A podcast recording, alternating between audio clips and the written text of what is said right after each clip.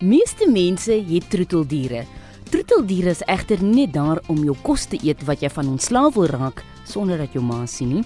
Hulle verklap ook 'n paar goed van jou karakter. Alhoewel ek nou nie 'n sielkundige is wat diep binne in jou menslike siel kan insien nie, kan ek probeer om jou te vertel wat jou keuse van troeteldiere oor jou sê. So, as jy 'n hond het, daar is baie verskillende tipes honde en jou tipe hond bepaal ook jou tipe karakter.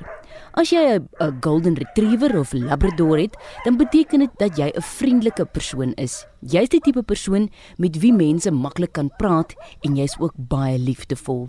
As jy 'n klein maltesie, 'n jockie of 'n chihuahua het, dan beteken dit dat jy daarvan hou as iemand vir jou omgee en gereeld hulle waardering vir jou wys.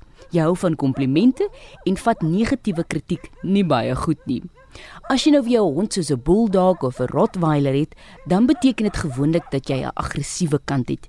Jy's nie noodwendig 'n gewelddadige persoon nie, maar as die situasie dit verg, kan jy jouself baie goed verdedig en die ander persoon sal bitter jammer wees dat hy of sy met jou skoor gesoek het. Nou vir die katpersone. Daar is al eeue lank die stereotipe van 'n crazy cat persoon. Die naam word toegeken aan iemand wat baie van katte hou en hulle word dan as ietwat mallerig voorgehou. Ek wil dit egter duidelik maak dat dit nie waar is nie. Ons regisseur Veronique is mal oor katte en sy is alles behalwe mal.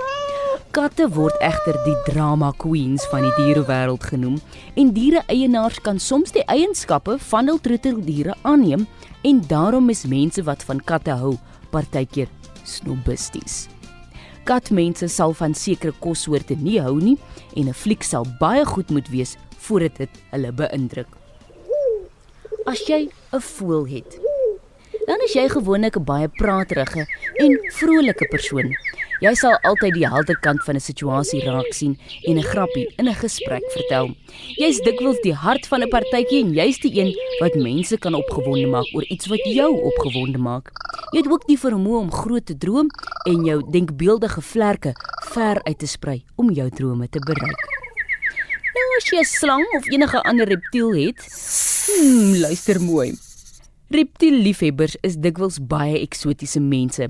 Hulle is nie bang vir 'n uitdaging nie en hou daarvan om nuwe dinge te probeer.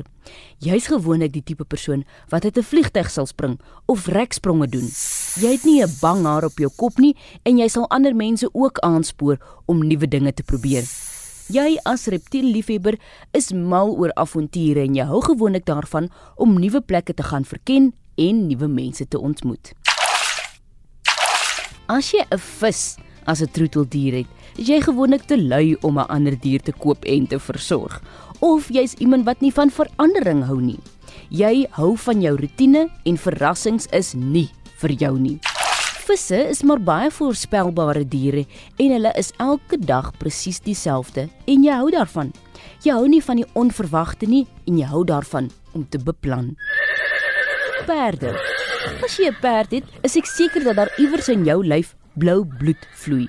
En nee nee nee nee nee, ek praat nou nie van blou bil bloed nie. Ek praat van die bloed van die koninklikes. Al die koninklikes kan perd ry en het perde en hulle kinders het perde en selfs hulle werkers het perde. Die koninklikes hou van perde sporte soos polo. Kyk nou maar net vir prins Harry en prins William. As jy enige ander tipe troeteldier het, raai ek jou aan dat jy in die dieretuin bly soos Pi van Life of Pi.